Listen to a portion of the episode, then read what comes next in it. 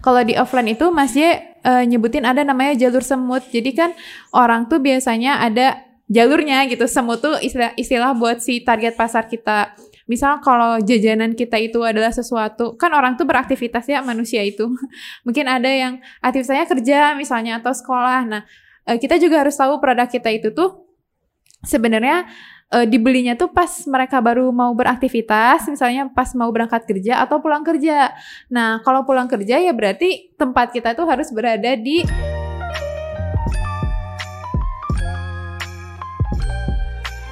Ta ta ta ta ta ya. Tanta ta ta ta ta ta. Oh, ayo ayo ayo. Yo, selamat datang di podcast Yuk Yuk Yuk Yuk Yuk Bisnis. Balik lagi bersama saya Noval dan di sini ada Liana, Rang Rifki dan Denny. Nah, saya ada Denny Arianto di sini. Ambil sama sama sama kayak Komentator bola. komentator bola yang kemarin Indonesia menang. Oke, hari ini kita membahas tentang apa-apa. Offline marketing. Iya. Iya. Kenapa Ya. offline marketing? Karena kita kira kehidupan tidak tidak hanya sebatas layar 5 Inci. Si strip Jaya Setiabudi. Aku kira perlu marketing offline karena lagi nggak ada wifi. Oh. Bisa jadi Nah, sih. bisa jadi. jadi Bisa sih. jadi. Bisa jadi sih.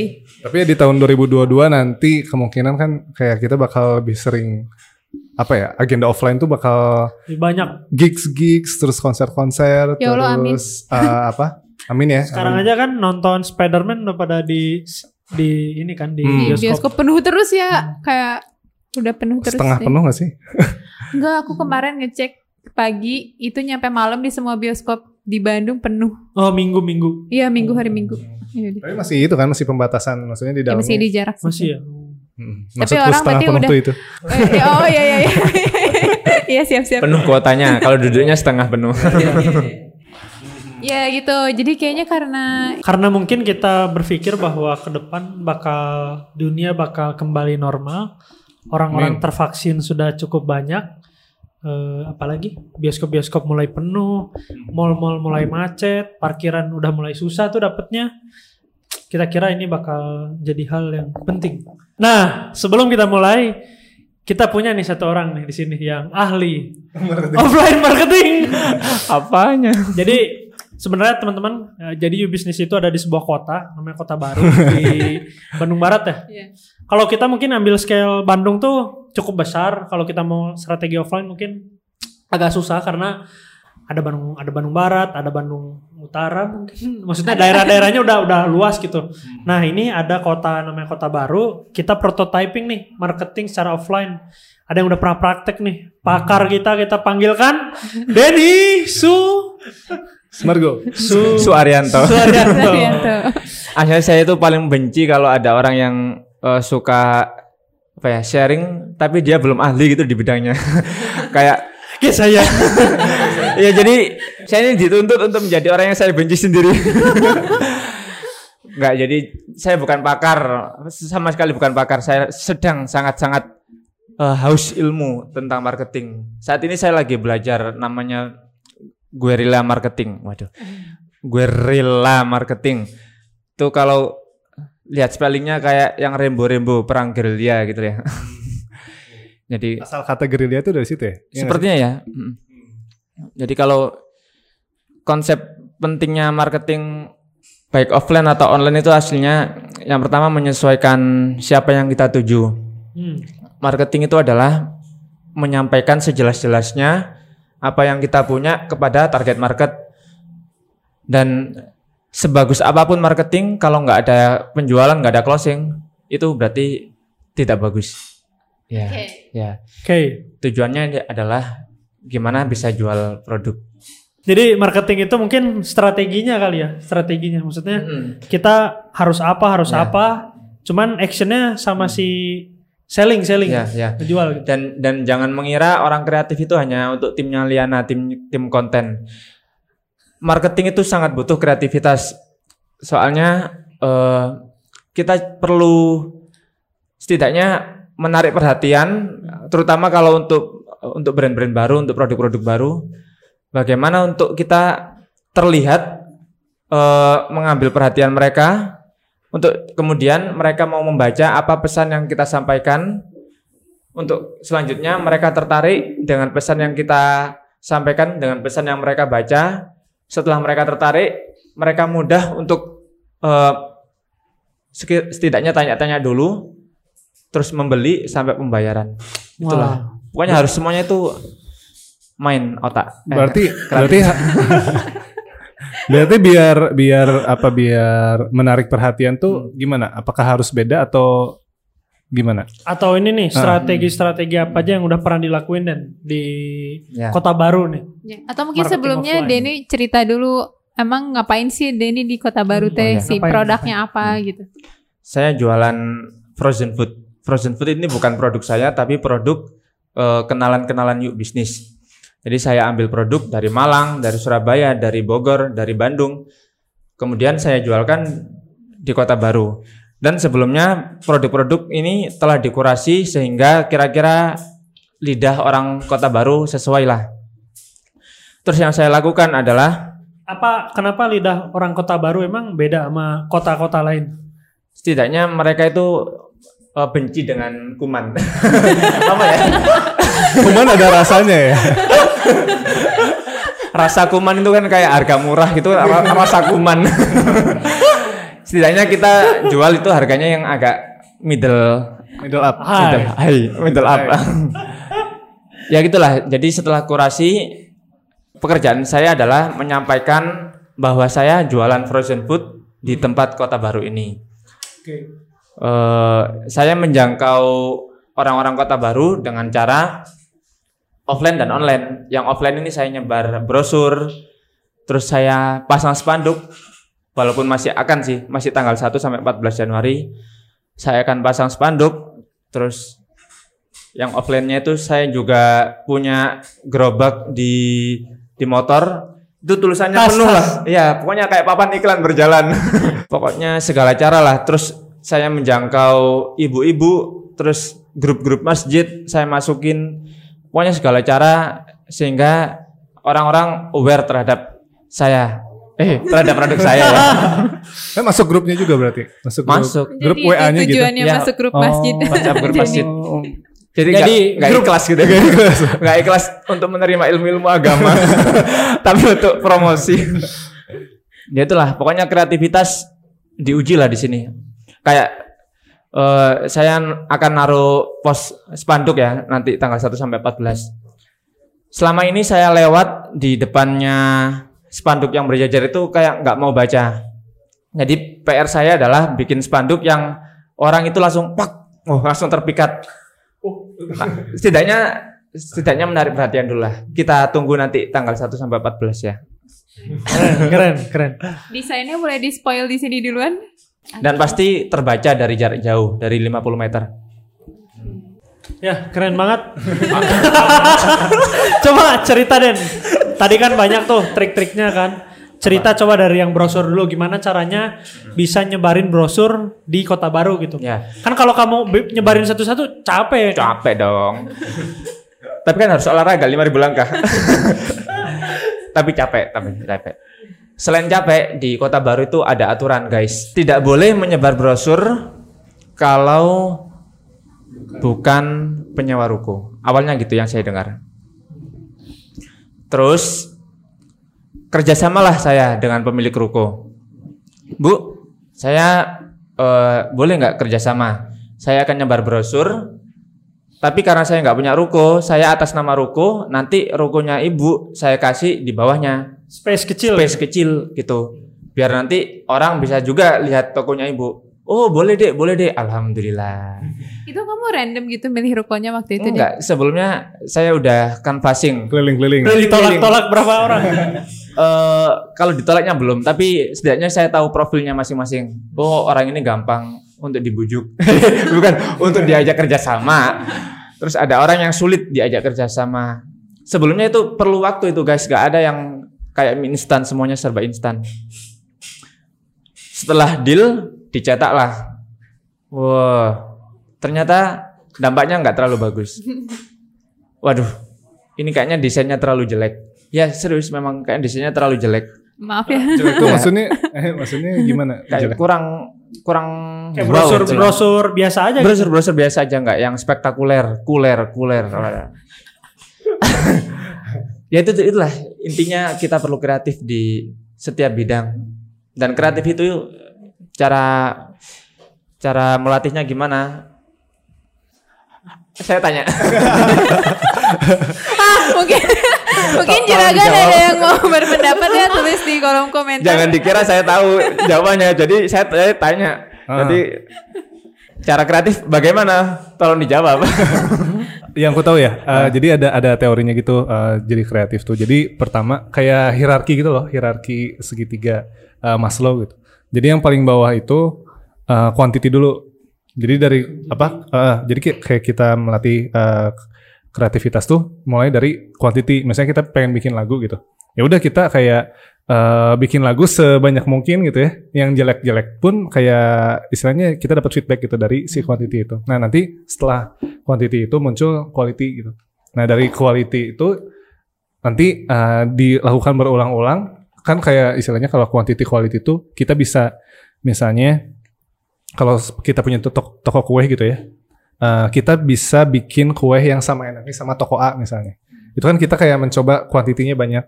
Lama-lama kita punya kualitas yang mirip dengan eh, kue di toko A itu. Tapi yang menjadi apa ya eh, faktor penentu kreativitas tuh kita bisa nggak ya bikin kue yang lebih enak dan kayak punya variasi yang berbeda dibanding kue toko A gitu. Nah, eh, nah itulah kreativitas gitu. Kreatif tuh create kan, jadi membuat sesuatu yang baru. Nah, jadi eh, dimulai dari tadi mencontoh, kita mencontoh si apa kuenya, bentuknya, terus eh, warnanya, kita bikin apa ya komposisi pewarnanya kayak gimana nih, pewarna pewarna alami atau enggak, terus lama-lama mi- makin mirip makin mirip nah terus kita bikin yang baru nah itu kreatif jadi dari quantity quality eh, creativity gitu itu sih si teorinya ya. jadi kayak eh, kayak kita misalnya emang startnya emang harus dari nyoba nyoba terus gitu Dari jelek dulu Hmm. gitu ya. Berarti Dari si jelek brosur dulu. jelek itu bisa jadi baru tahap satu Den. Tadi memang harus dilalui ya. Iya. Jadi sorry buat desainernya. Keren, keren, keren. Kalau Liana ada ide nggak misalkan strategi apa lagi sih? Strategi-strategi marketing offline. Eh, mungkin kalau offline kan berarti emang kita eh, tujuannya kan sebenarnya offline atau online itu salurannya kan, saluran promosinya. Kalau online berarti orang ngelihat kita via online gitu kan. Dan mungkin prinsipnya mah sama-sama aja gimana caranya tadi orang tuh bisa ngelirik kita. Nah, mungkin bedanya kalau di online kan dari apa? Si gambarnya yang bagus, videonya yang bagus, suaranya yang bagus. Nah, sebenarnya di offline juga mungkin sama gimana caranya si toko kita tuh bisa tadi yang kata Denny ketika orang ngeliatnya kayak langsung apa nih minimal dia tertarik dulu kayak gitu kali ya. Mungkin dari segi si sisa apa promosinya sendiri tuh si apa namanya tuh iklan iklan iklan. Nah, Ah. si iklannya itu sendiri itu yang harus menarik gitu sama mungkin ya. Enggak, aku barusan kepikiran lagi dan ini juga yang di materinya Mas Jaya tuh ada jalur semut kan. Nah, kan kalau biasanya kan kalau di online tuh kita sangat bergantung sama algoritma kan. Jadi kita eh apa teknik supaya si pesan kita nyampe ke audiens tuh ya kita harus ngikutin algoritma. Misal kita harus sering interaksi alur sama gitu mereka, heeh. terus kita harus posting di jam-jam tertentu misalnya atau kita harus bikin dalam format-format tertentu. Nah, kalau di offline itu Mas J eh, nyebutin ada namanya jalur semut. Jadi kan orang tuh biasanya ada jalurnya gitu. Semut tuh istilah istilah buat si target pasar kita. Misal kalau jajanan kita itu adalah sesuatu, kan orang tuh beraktivitas ya manusia itu. Mungkin ada yang aktivitasnya kerja misalnya atau sekolah. Nah, eh, kita juga harus tahu produk kita itu tuh sebenarnya eh, dibelinya tuh pas mereka baru mau beraktivitas, misalnya pas mau berangkat kerja atau pulang kerja. Nah, kalau pulang kerja ya berarti tempat kita tuh harus berada di eh, posisi yang dilewati mereka ketika pulang kerja. Atau kalau misalnya kita jualannya apa bubur ayam, itu kan pas mau berangkat kerja misalnya. Oh, berarti kita harus di jalur yang pas berangkat kerja itu juga penting sih untuk diketahui. Betul, betul. Jadi Mana kayak di buku itu di BLL ya nggak salah. Itu di kitab anti bangkrut. Oh iya, di yang KB. di sini bisa dibeli di yubistar.co.id. Eh jadi eh, ada pertanyaan tuh di buku itu. Eh, saya punyanya tokonya yang nggak ada jalur semutnya, tapi saya kayak percaya eh, si toko ini akan laku kalau produknya bagus gitu. Hmm. Tapi ya eh, istilahnya kalau produk bagus tapi ketutupan pohon, terus misalnya apa eh, di nggak dilalui oleh eh, apa jalan raya gitu. Itu tuh kayak ya nggak bakal dibeli produknya bagus juga. Minimal kan kayak si awarenessnya tuh ke- kelihatan dulu gitu kan dengan dengan dia ada di jalur semut itu tuh gitu. Kalau aku sih liatnya yang ketutup-tutup gitu kan kayak kalau sekarang ya mungkin zaman dulu tuh buat apa sih jalur-jalur atau tempat-tempat yang gak strategis terus kita bikin toko. Orang-orang kan cenderung di jalur-jalur protokol pantura gitu banyak lalu lalang. Cuman sekarang tuh ada fenomena kayak hidden apa hidden gem gitu. Yang orang-orang tuh emang sengaja aja ditaruhnya ngasal bener-bener di gang di mana gitu. Cuman dia mungkin trafficnya tadi dari online tapi ya spesifik juga target marketnya. Akhirnya orang-orang yang buka online doang yang bakal ke situ gitu. Tapi kalau yang aku pernah baca tuh ada namanya buku artisan brand dari Handoko yang punya M Block Market. Dia tuh bilang eh, orang-orang muda tuh pengen experience untuk menggapai dan sampai ke tempat yang keren gitu. Kayak misalkan jalan-jalan jauh-jauh dulu ke gunung tiba-tiba ada apa. Kayak ingin jadi petualang-petualang karena dia terlalu banyak hidupnya di online mungkin. Jadi itu seolah-olah petualangan gitu. Yang aku lihat sih mungkin gitu sih Ya berarti kayak mungkin balik lagi ke target pasarnya siapa dan jalur apa eh jalan apa yang pengen kita tuju gitu. Apakah kita pengen pemasarannya tuh dengan ya udah si tempatnya itu sendiri atau kita pengen ngelakuin effort-effort lain gitu. Kayak tadi misalnya di online karena aku juga pernah tuh ada di Cimahi gak bagus-bagus banget sih tempatnya tapi lumayan. Dia tempat ngopi gitu. Cuman dia emang tersembunyi dan konsepnya tuh kayak apa? Konsepnya nyumput. Barang-barang bekas gitu. Iya. Oh, si tempatnya tuh jadi eh, mungkin kalau aku lewat aku nggak akan tahu kalau di situ ada tempat ngopi gitu tapi eh, aku tahunya dari mulut ke mulut nah berarti dia memang memilih jalur pemasarannya tuh via itu gitu via eh, orang yang datang tuh karena bagus akhirnya mulut ke mulut jadi ramai juga gitu jalur kutu Hmm. Mungkin store-nya boleh tersembunyi tapi kayak spanduknya nggak boleh tersembunyi. ah, Hmm. ya, Bro- ya. Brosurnya harus tetap menjangkau orang-orang. ya Mm. ya itu tadi mungkin Betul, kalau betul. tempatnya tersembunyi ya berarti brosurnya yang harus lebih masif gitu tersebarnya. Soalnya teman eh aku juga ada sepupu aku dia jualan gitu kan jualan dimsum gitu. Terus di jalan raya sih di pinggir jalan sih tapi si rukonya tuh ngadep ke sana gitu. Ngadep ke sana. Ini jalannya ke sana juga. Kita mau ke sini ngadepin. jadi jadi gitu. Pokoknya menggungin gitu. Jadi sebenarnya itu dan dia tuh sewa karena murah banget. Kayak berapa ya? Pokoknya murah banget. Ih, ini ada sebenarnya dia udah punya dua cabang sebelumnya. Terus kayak ah aku pengen buka cabang lagi karena kebetulan di sini murah dan jalan utama. Cuman tetap aja karena dia orang ngeliat tuh pada akhirnya dia pasang apa ya kayak kayak apa banner gitu.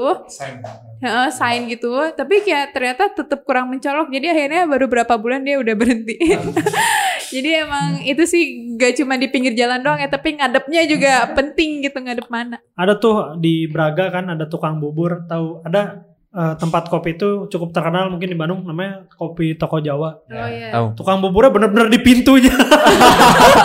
Parkir di pintunya gitu kan sebelum buka gitu. Mungkin orang lokal juga yang punya buburnya jadi yang punya toko juga nggak berani minggir-minggir gitu. Cuman keren sih triknya. Jadi setiap orang yang mau sana kan pasti lihat buburnya dulu kan. Dan rame itu bener-bener jadi rame si tukang buburnya. Tapi ada satu lagi yang yang tadi yang mungkin kata Liana ngadep rukonya ke sana. Di Antapani Kiara Condong tuh di perempatannya ada namanya Lucky Square. Namanya aja Lucky Square gitu. Tapi nggak lucky gitu. Nggak beruntung. Dia tuh bener sih rame jalur semut. Cuman sayangnya dibikin flyover gitu kan. Jadi kalau mau turun ke dia harus lewat yang underpass yang bawah lah. Bukan underpass apa ya? Lewat jalan yang sebelahnya yang ke bawahnya. Ya. bukan yang ke atas karena traffic utamanya ke atas. Jadi orang-orang sih ngelihat iya. Cuman dadah-dadah doang kan. Ya. Mau lewat muter lagi. jauh ya. Akhirnya sepi jadi mallnya gitu. Berarti berarti belum tentu yang ada di jalur semut itu dengan secara langsung dapat semutnya. Jadi harus mempertimbangkan kayak flyover dan lain-lain itu ya.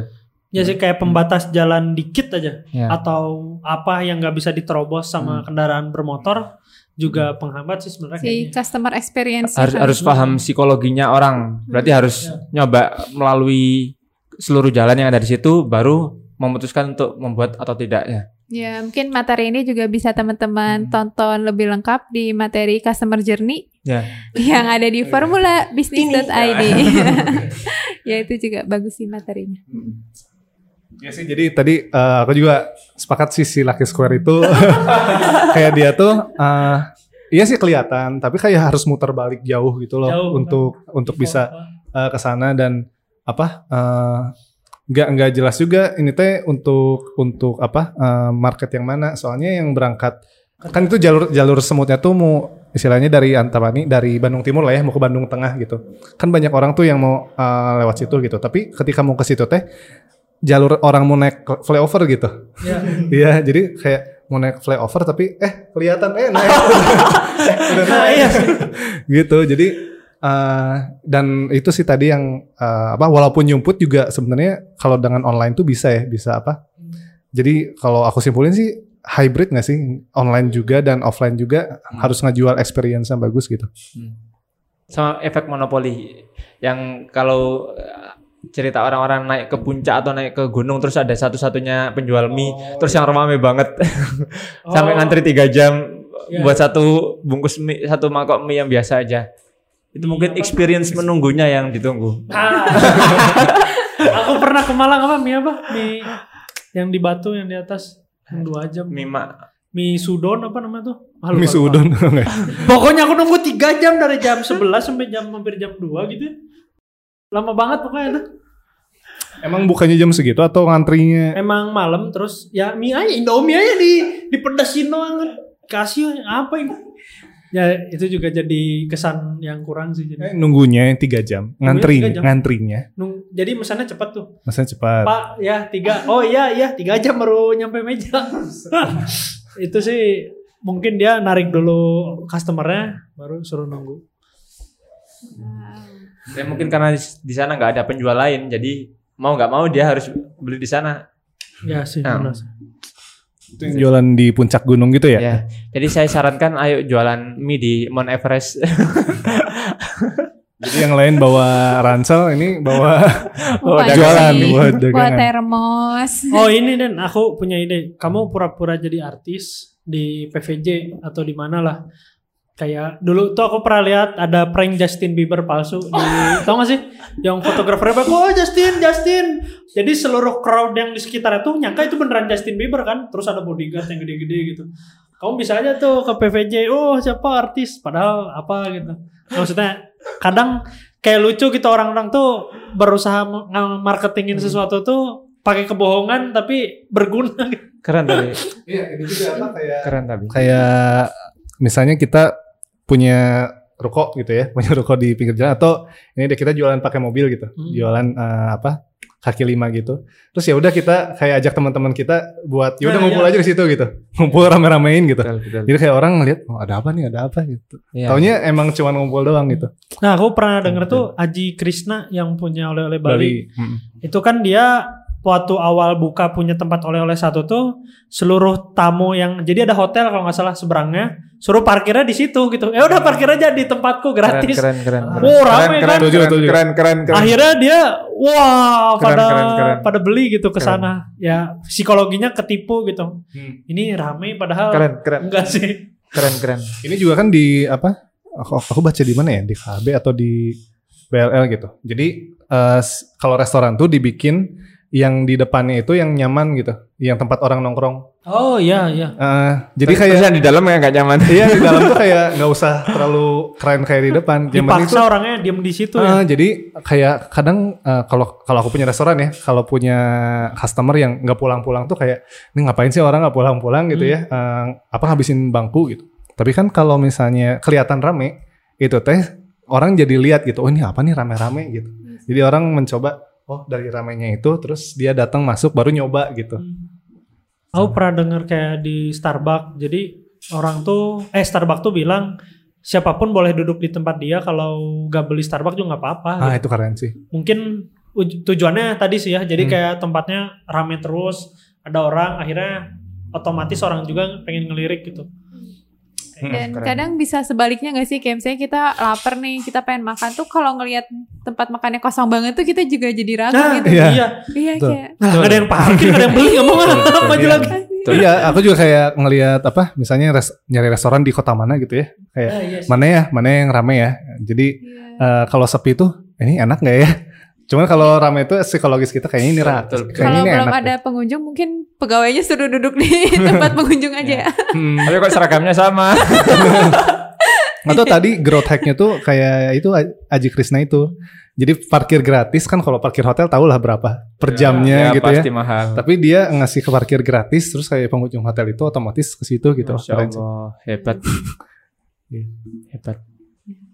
20. Keren. Itu kalau nggak orang kreatif nggak akan mikir kayak gitu loh. Hmm. Iya. Hmm. Harus diuji dari kuantitas dulu ya. Iya. Jadi kayak ini ya apa? Aku juga baru nyadar apa kita kita tuh sebagai customer nggak nggak ngerasa gitu ya kalau misalnya eh, kita mengunjungi tempat yang agak rame gitu. Tapi si mindset itu tuh nggak kita pindahkan ketika kita jadi pemilik restoran gitu. Kadang kita nggak nggak memahami konsumen secara apa ya, secara journey gitu. Kita sebagai konsumen gitu. Mungkin itu juga kali ya bekal jadi pengusaha tuh kayak kita juga harus bisa menempatkan diri kita sebagai konsumen gitu sesederhana. Mungkin sebelum kita berguru ke banyak buku, banyak guru itu bagus tapi mungkin kita juga bisa dimulai dengan seandainya kita jadi pembelinya gimana gitu kali ya. Itu bisa jadi langkah. Oke. Menarik. Ya, Oke. tampaknya Saya nggak bisa bicara apa-apa kayak ilmu semua ini. ya teman-teman eh, untuk marketing offline mungkin kayak gitu. Eh, terima kasih banget eh, pada ini ini pakar telematika. Atau teman-teman kalau punya tips gitu ya, tips Iya. marketing offline atau sharing-sharing Bisa kasih eh, tahu ke saya atau DM ke IG stocky.id. Aku Sebenarnya kita bikin ini sih bikin sayembara. Tulis ide terbaikmu. Eh, Ya, boleh boleh boleh. ide Dapat gila. gratis satu free bite dari Stocky. Syarat ambil sendiri. kota baru. Share eh, ide-ide kalian di kom- kolom komentar ya. Ide Jadi terbaik kita lihat. dapat free bite. Ini asli, bukan pembohongan. Bisa Betul, betul. nanti DM Asli. aja ke IG-nya Stocky. Stocky.id. Nanti kita tulis di kolom komentar teman-teman pengen es krim, ya ide aja dulu. Siap, siap. Terima Oke. kasih teman-teman. Terima kasih semuanya. Bye. Thank you, thank you.